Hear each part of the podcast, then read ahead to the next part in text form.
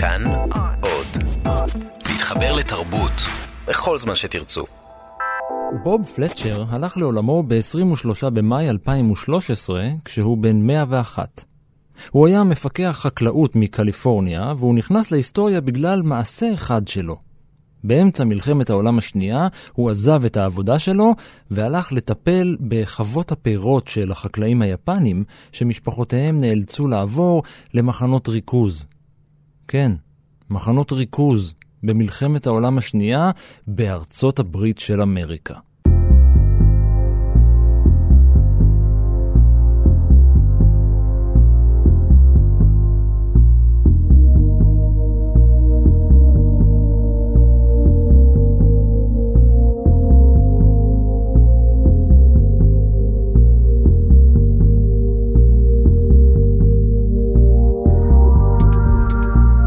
היי, אני רן מנהר ואתם על מנהר הזמן. מדי פרק אנחנו מספרים לכם על מקרה שקרה בעבר מזווית שכנראה עוד לא הכרתם. הפעם אנחנו יוצאים אל עבר החוף המערבי של ארצות הברית ויותר מ-70 שנה לאחור אל מקום החיכוך בין ארצות הברית ויפן כדי לשמוע על גיבור אחר של המלחמה הזאת, גיבור חקלאי.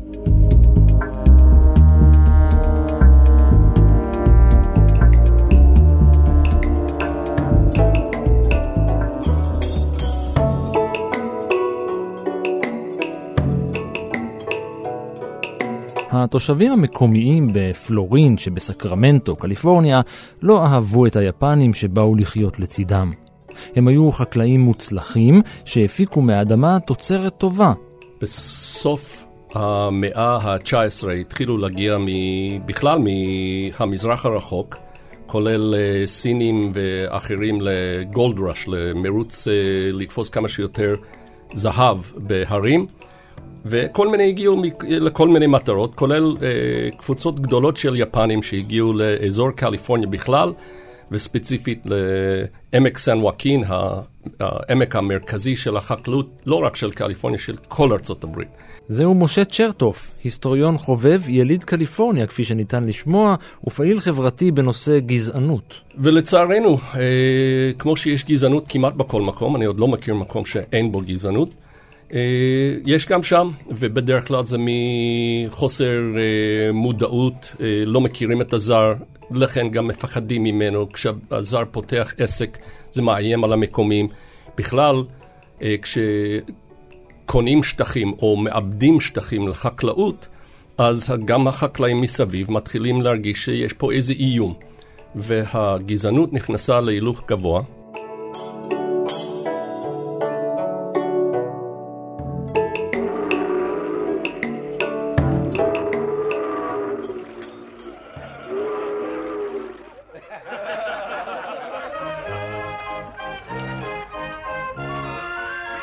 אנחנו כולנו ראינו את זה בסרט לול, שגל אחד שונא את הגל הבא, שונא את הגל הבא, וככה זה מתגלגל, אנחנו אה, כאילו לוקחים בעלות על המקום, זה שלנו.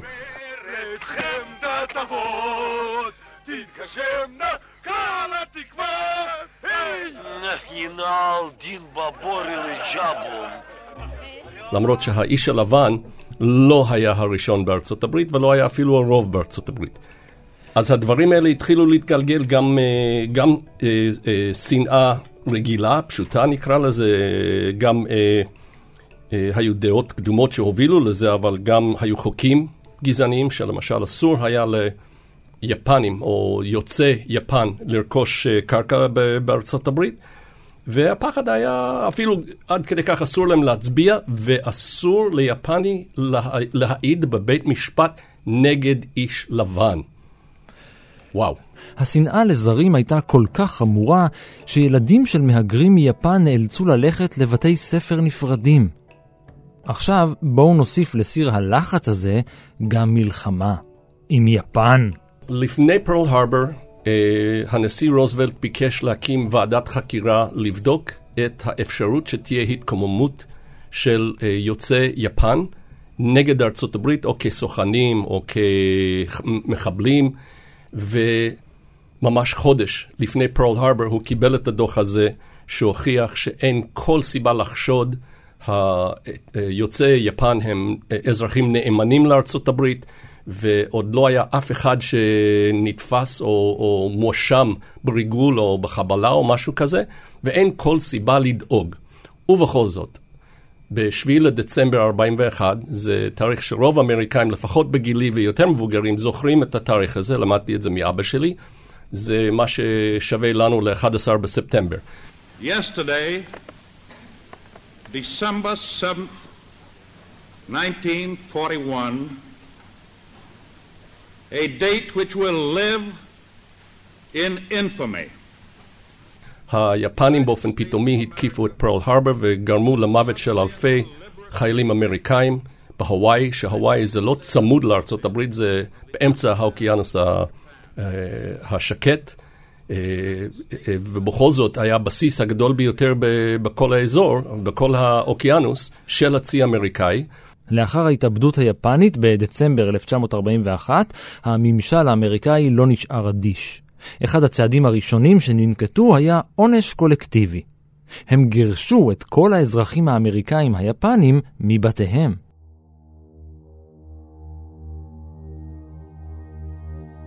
אזרחים יפנים שהיגרו לאמריקה התיישבו בעיקר בחופה המערבי של היבשת, החלק הקרוב ביותר ליפן. ארצות הברית הקימה מחנות מעצר וריכזה בהם כמעט 120 אלף איש, שיישארו שם כל עוד נמשכת המלחמה.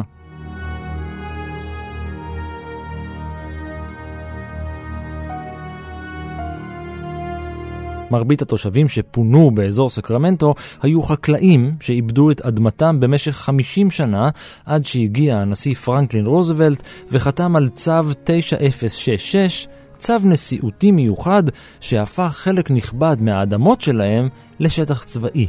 חייבים את כל יוצאי יפן, אפילו עד כדי כך 1 חלקי 16, או אפילו, איך הם אמרו, אפילו טיפת דם אחת של יפניות בבן אדם, הוא צריך, אם הוא גר בכל קליפורניה, או מערב וושינגטון, אה, אורגון ודרום אריזונה, כל החגורה הזאת המערבית של ארצות הברית, הם צריכים לקום, לקחת את הדברים המינימליים, העבירו אותם למחנות בכל מיני מקומות בארצות הברית. המחנות האלה היו עם אה, צריפים הכי פשוטים, תנאים, אפשר להגיד מינימליים, אבל לפעמים אפילו פחות, משפחה שלמה בחדר אחד. אה, תנאים איומים. ולא יכלו לערער, והיה קנס גדול ואפילו מעצר אם לא עשו את זה, אז כך שבתור אה, אזרחים נאמנים, מה עושים? משתפים פעולה עם הגורמים ומקווים שהכל יהיה בסדר. המהלך הזה היה הפינוי בכוח הגדול ביותר בתולדות ארצות הברית. דבר שכדאי לציין בקשר לכל הפחד הגזעני ששלטה באותה תקופה, בין היתר לא רק ה-120 אלף יוצאי יפן, היו 11 אלף אנשים ממוצא גרמני ועוד שלושת אלפים אנשים ממוצא איטלקי, שגם נלקחו למחנות בארצות הברית, כולל מהגרים יהודים. חשדו בהם, חשבו שהם יהיו גיס חמישי, או יפעלו נגד המאבק של המלחמה, כי מה להגיד, האמריקאים נלחמים נגד הגרמנים ואיטלקים וגם נגד היפנים. אז אם יהודי גדל בגרמניה, זה לא עניין אותם אם הוא יהודי או לא, הוא גרמני בשבילם.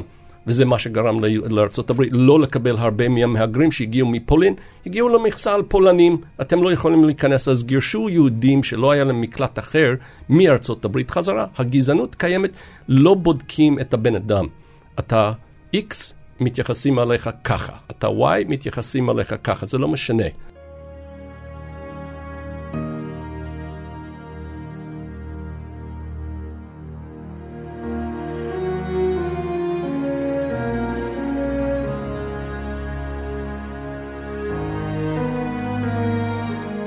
רוברט פלצ'ר ג'וניור, בוב, נולד בסן פרנסיסקו ב-26 ביולי 1911. חמש שנים קודם לכן פקדה את העיר רעידת האדמה המפורסמת שהרסה את מרביתה. זה הרעידה הגדולה שגרמה למשל להמצאה של השסתום האל חוזר, כי קווי הגז עברו מתחת לעיר, ואחרי רעידה אה, היו פקעים בקווים, והגז המשיך לזרום. אז החלק הגדול של ההרס לא היה מהרעידה שהיא הייתה עצומה, אבל מהשריפות של אה, כמעט כל הבניינים, במיוחד אה, בתי מגורים, היו מעץ. וכמעט כל העיר נחרבה, וזאת הרעידה הגדולה ביותר שאנחנו זוכרים עד שנות ה-70, ואז התחילו רעידות יותר גדולות, אבל ממבט אחר, העיר נחרבה כמעט לגמרי, יצאו מהעיר לחפש דברים אחרים. הרבה אה, מבנים של, אה, שהיו מעץ, כבר הורידו אותם, התחילו בבנייה יותר אה, סולידית. ודרך אגב, אפשר לראות את ה... יש היום סרט של אדם, אדם צילם ברחוב הראשי של סן פרנסיסקו איזה חודשיים לפני הרעידה. והבניינים הראשיים של העיר, הגדולים, הגבוהים, בנייני עסקים, היו באמת מאבן ולא מעץ. אבל הם היו צריכים לחשב את הכל אחרת.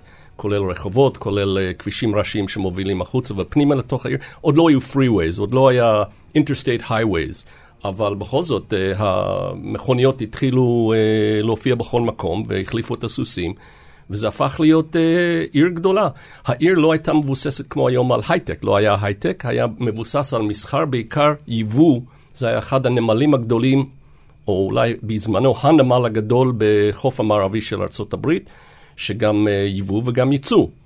אז uh, הרבה מהגולד ראש, uh, לא במקרה הגיע לסן פרנסיסקו, זה הכי קרוב להרים איפה שבאמת מצאו את הזהב, ולכן הרבה סינים והרבה הגיעו קודם לסן פרנסיסקו, וקהילות גדולות uh, התפתחו במקום.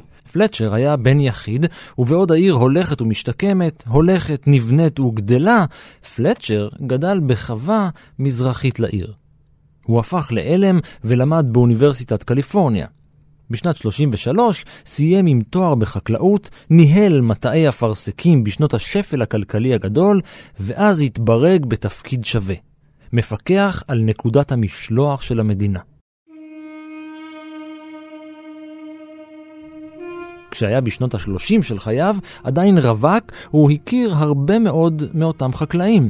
בכל זאת, האיש היה מפקח על הפירות מטעם הממשלה. החקלאים המקומיים, שהיו בעיקר יפנים לשעבר, הכירו אותו כאדם ישר והגון, ובכלל, הכבוד ההדדי היה עניין בסיסי. אז כמו שאנחנו מכירים את ה-FDA, שה-Food and Drug Administration של היום, USDA, the United States Department of Agriculture, זה מחלקה פדרלית. אבל בנוסף לזה יש בכל מדינה את המחלקה או משרד לחקלאות של אותה מדינה. בזמנו קליפורניה הייתה די ריקה, לא הייתה מדינה מאוכלסת במיוחד, אבל החקלאות כבר התחילה. וב-1919 פתחו את ה-California Department of Food and Agriculture, שמזה היו שתי מטרות עיקריות, ועד היום.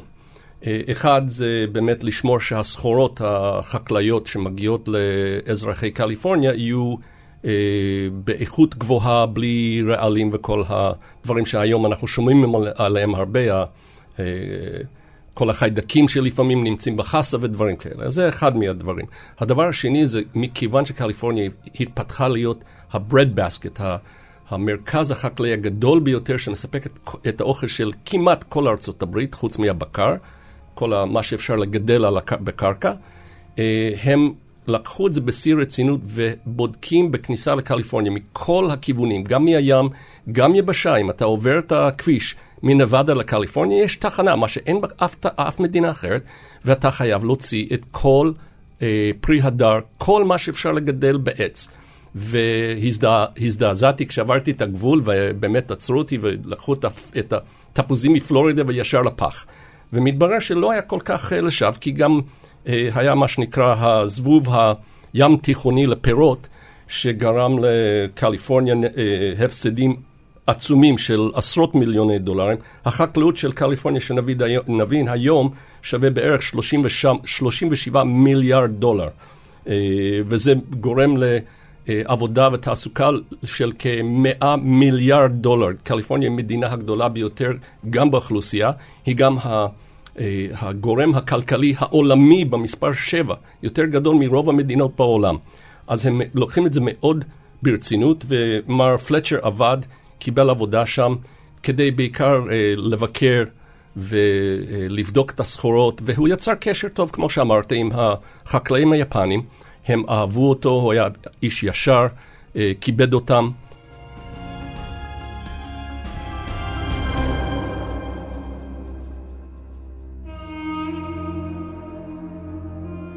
על עמודי הטלפון ולוחות המודעות בפלורין נתלו מודעות הקוראות לאזרחים ממוצא יפני להגיע ולהתפנות אל תחנת הרכבת, משם יסיעו אותם אל מחנות המעצר. אחד התושבים נקט יוזמה שהשתלמה לו בטווח הארוך. על צוקמוטו, בן להורים שהיגרו מיפן 40 שנה קודם לכן, הציע לפלצ'ר הצעה עסקית.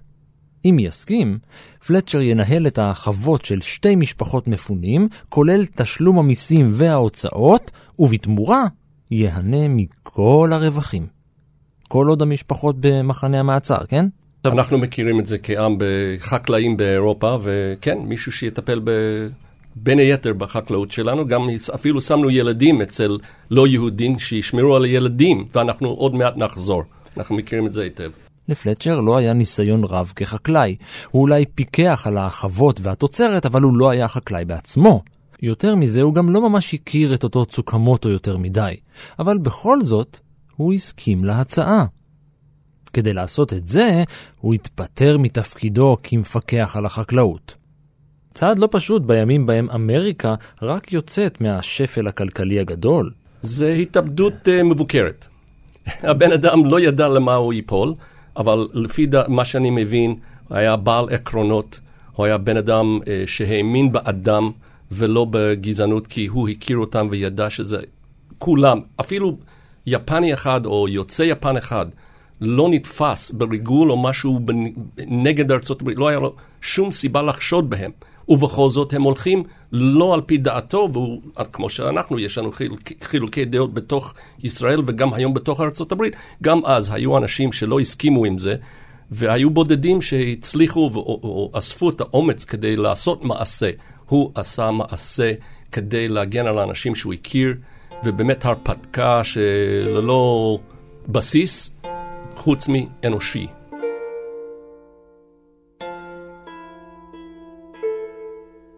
במשך שלוש שנים איבד פלצ'ר את אדמות החקלאים בשלוש חוות. למה שלוש? כי הוא החליט לקחת תחת ניהולו גם את החווה של אדון צוקמוטו. הוא עבד בחוות של משפחת ניטה, של משפחת אוקמוטו וצוקמוטו, והוא עבד כמו חמור. במשך 18 שעות ביממה, כשהוא ישן בתא שהיה מיועד רק לפועלים. פלצ'ר איבד כמעט 400 דונם מדי יום ושילם את המיסים של שלוש משפחות. שלוש שנים.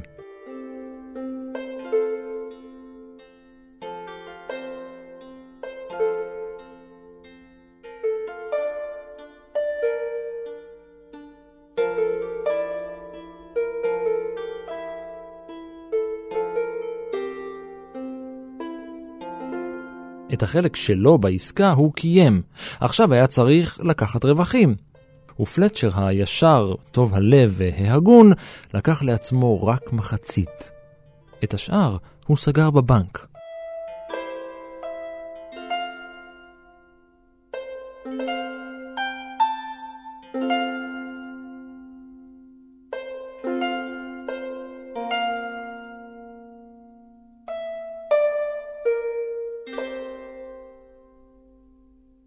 בזמן שהותם במחנות המעצר, משפחות שלמות של מהגרים יפנים איבדו את כל מה שהיה להם, בעיקר כי לא עמדו בתשלום החובות והמיסים.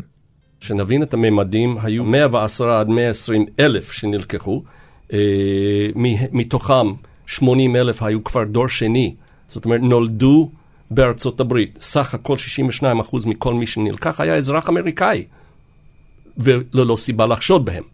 אז הבן אדם הבין שהוא צריך לעשות את הדבר הנכון, הוא הבין את, ה, אה, את המשמעויות ה, אה, של טווח הרחוק, שלא רק לגדל במקומם ולא רק להרוויח את הכסף, אלא הוא ידע שמישהו יחזור, הם יצטרכו איזה בסיס כלכלי כדי להמשיך ולהתקיים, אחרת הם ילכו ממחנה לרעב.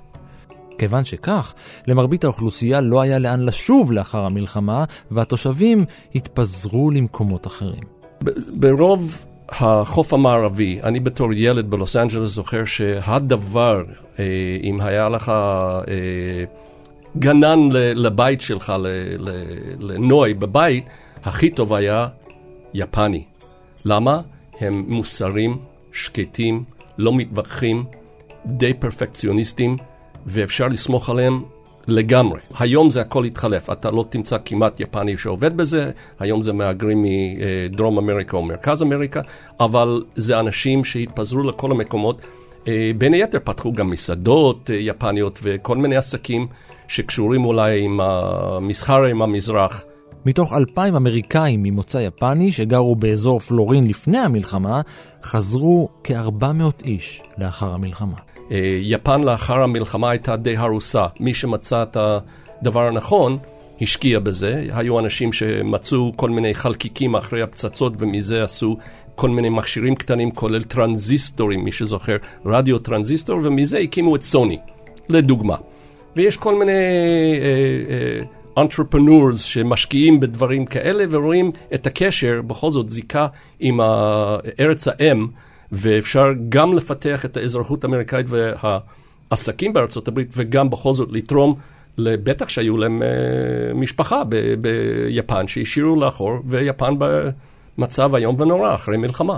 כששבה משפחת סוכמוטו אל ביתה לאחר המלחמה, היא גילתה כי אשתו של פלצ'ר, כן, הוא התחתן בינתיים, צחצחה את הבית לקראת בואם. עוד גילו בני המשפחה כי בוב שמר להם בחשבון הבנק חצי מהרווחים. לא סתם חצי, חצי שהלך ותפח מריבית שנצברה במשך השנים.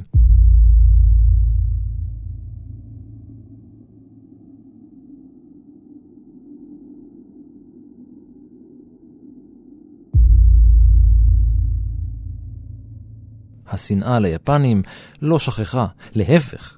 עכשיו, לא רק שהיפנים הצליחו לאבד את האדמה, החוות שלהם אפילו שרדו את המלחמה ומחנות המעצר. פלצ'ר היה משוכנע שהיפנים מקבלים יחס שגוי. הוא ידע את זה. הכרתי כמה מהם די טוב, הוא אמר, ולא הסכמתי לפינוי. לא היה להם קשר לפרל הרבו. ואז החיצים הופנו לעברו, פשוטו כמשמעו. הוא החל לסבול מהתקפות אישיות, ופעם אחת אפילו נורו לעברו יריות כשהיה באסם של משפחת סוכמוטו. החברים היפנים שלו הוקצו וסבלו מיחס עוין. לא מכרו להם בחנויות, והם נאלצו לפנות אל פלצ'ר כדי שיעשה עבורם רכישות. נתקע באמצע. Between a rock and a hard place, כמו שאומרים. לא, לא חשדו בו כמשת"פ עם האויב. כי זה לא שלא הייתה מלחמה, ולא שהיא לא הייתה אכזרית, ולא שלא נהרגו הרבה אמריקאים או עונו במחנות בזמן המלחמה. היו דברים. אבל כמו שאתה אומר, מה הקשר ביניהם ויוצאי יפן בארצות הברית. אני מכיר את זה לצערי על בשרי, שהשנאה הגזענית אה, קיימת גם ללא כל היגיון או כל בסיס. אני אה, עמדתי ב... בצומת אה, בגליל המערבי במשך שלוש שנים, חילקנו פרחים כל יום שישי, 42,500 פרחים בעד הסובלנות נגד הגזענות, בלי שום אמירה פוליטית, וביום אחד אני והבן שלי הותקפנו ואחד ניסה לרצוח את הבן שלי בח... בחניקה. אז אני יודע מה השנאה הזאת מביאה. וכשהתוקף מעיד, הוא רואה דברים שלא היו. אז מי שבמצב כזה, שנגיד מישהו ראה את החבר שלו מת לפני העיניים שלו במלחמה, הוא מוטרף. הוא לא מחפש היגיון, הוא רואה בן אדם כאילו נלחם נגדו לפני שנה, אה, ברור שיש לו רגשות, וצריך להשתלט על זה, וזה לא פשוט. הגזענות מושכת את כולם, כי בגלל, עוד פעם, האיום כאילו שהאחר גורם, גורם לנו לדאוג ואפילו לתקוף, ללא כל הצדקה. ואם מישהו צריך להכיר את זה, זה העם היהודי.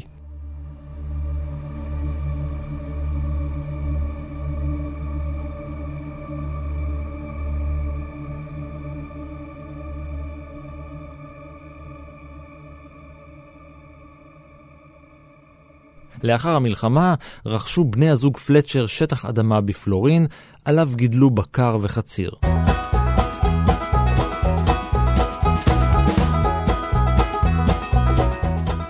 הוא כבר לא היה יכול להתנתק מהאדמה שלו.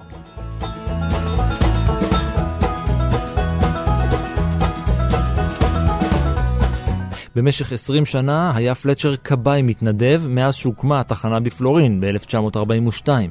אחרי 20 שנה הפך למפקד כוחות הכיבוי בשכר במשך 12 שנים עד שפרש בשנת 1974. הוא היה פעיל חברתי וחובב היסטוריה מושבע, עד כדי כך מושבע שהוא תרם שטחים מאדמתו לטובת הקמת מרכז היסטורי. צדיק.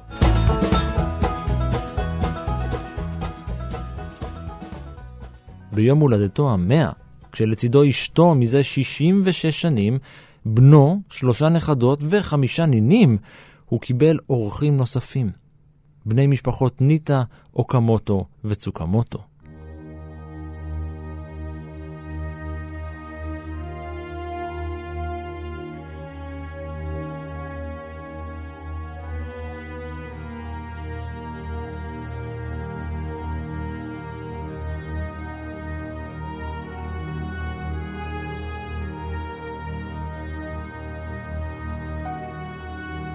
מה מצבה של קהילת יוצאי יפן בסן פרנסיסקו היום?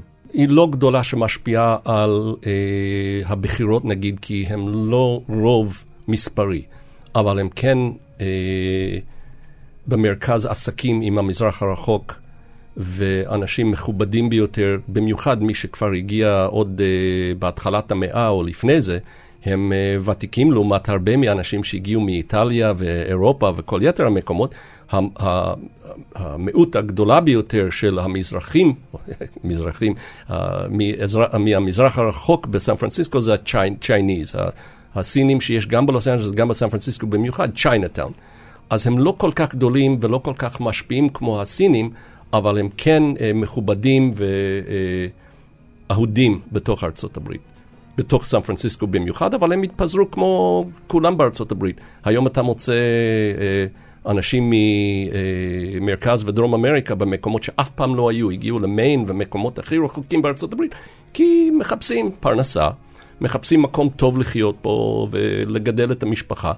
אה, בסן פרנסיסקו, סן פרנסיסקו זה עיר בינלאומית, היום מי שמגיע לשם תואם את הרב גוניות של כל מה שקורה בסן פרנסיסקו, מהאוכל עד השלטים, עד הפסטיבלים והכל, ומאוד גאים בקשר עם המזרח הרחוק.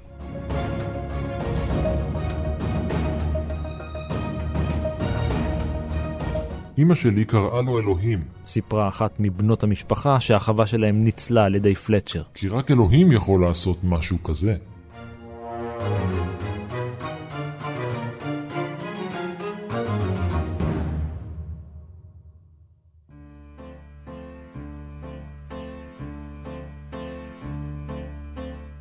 ועד כאן מנהר הזמן להפעם. תודה למשה צ'רטוף, תודה גם לאור מנהר שאיבד את הפרק והיה על ההפקה, ולניר גורלי שקצר אותו והיה על העריכה. עוד סיפורים ופרקים נוספים של מנהר הזמן מחכים לכם כל העת באתר שלנו, באפליקציה כאן אודי, בכל יישומון הסכתים אחר וגם בספוטיפיי. אתם מוזמנים להמשיך ולעקוב אחריי ברשתות החברתיות, בפייסבוק ובטוויטר, להגיב, להציע רעיונות ובעיקר להתחבר. חפשו ברשת מנהר הזמן. מנהר הזמן משודרת מדי שבוע בימי שני בשעה ארבע אחר הצהריים ברשת כאן תרבות. אני רן מנהר, נשוב וניפגש בפרק הבא. בחמש קם צייד ויצא את ביתו אל היער צעד ודרך קשתו עד הערב סבב, לא הצליחה דרכו, גם צמא גם רעב, אחזו אותו, שר פנים וניסר, חזר לכפר, והנה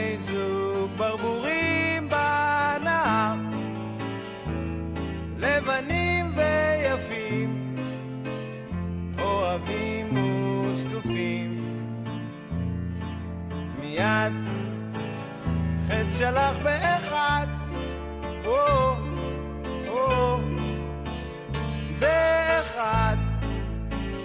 חטא שלח באחד, גגבי, גגגו,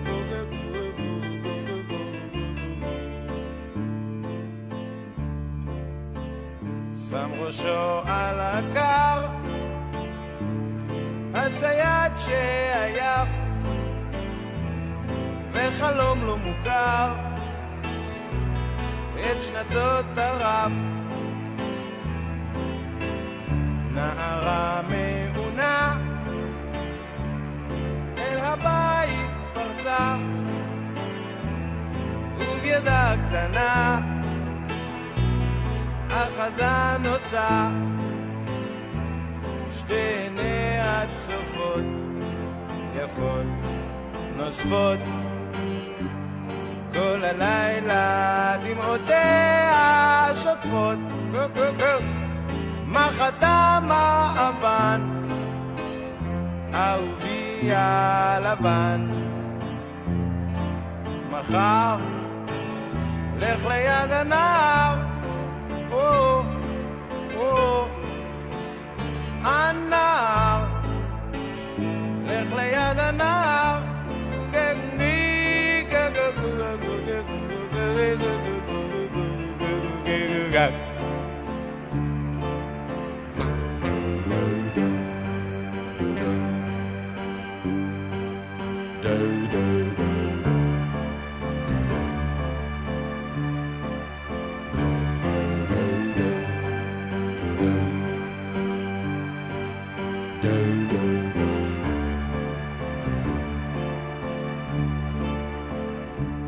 בחמש קם צייד ויצא את ביתו אל היער צעד ודרך קשתו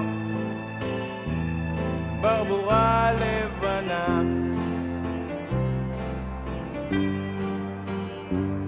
ראתה את הצייד בעינה היא שלחה מקורה וקראה בבשרה. מולו צללה בצילו.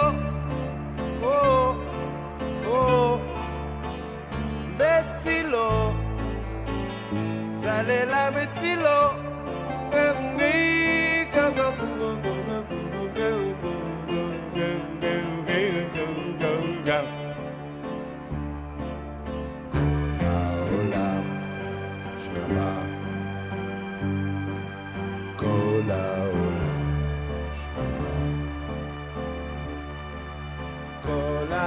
העולם.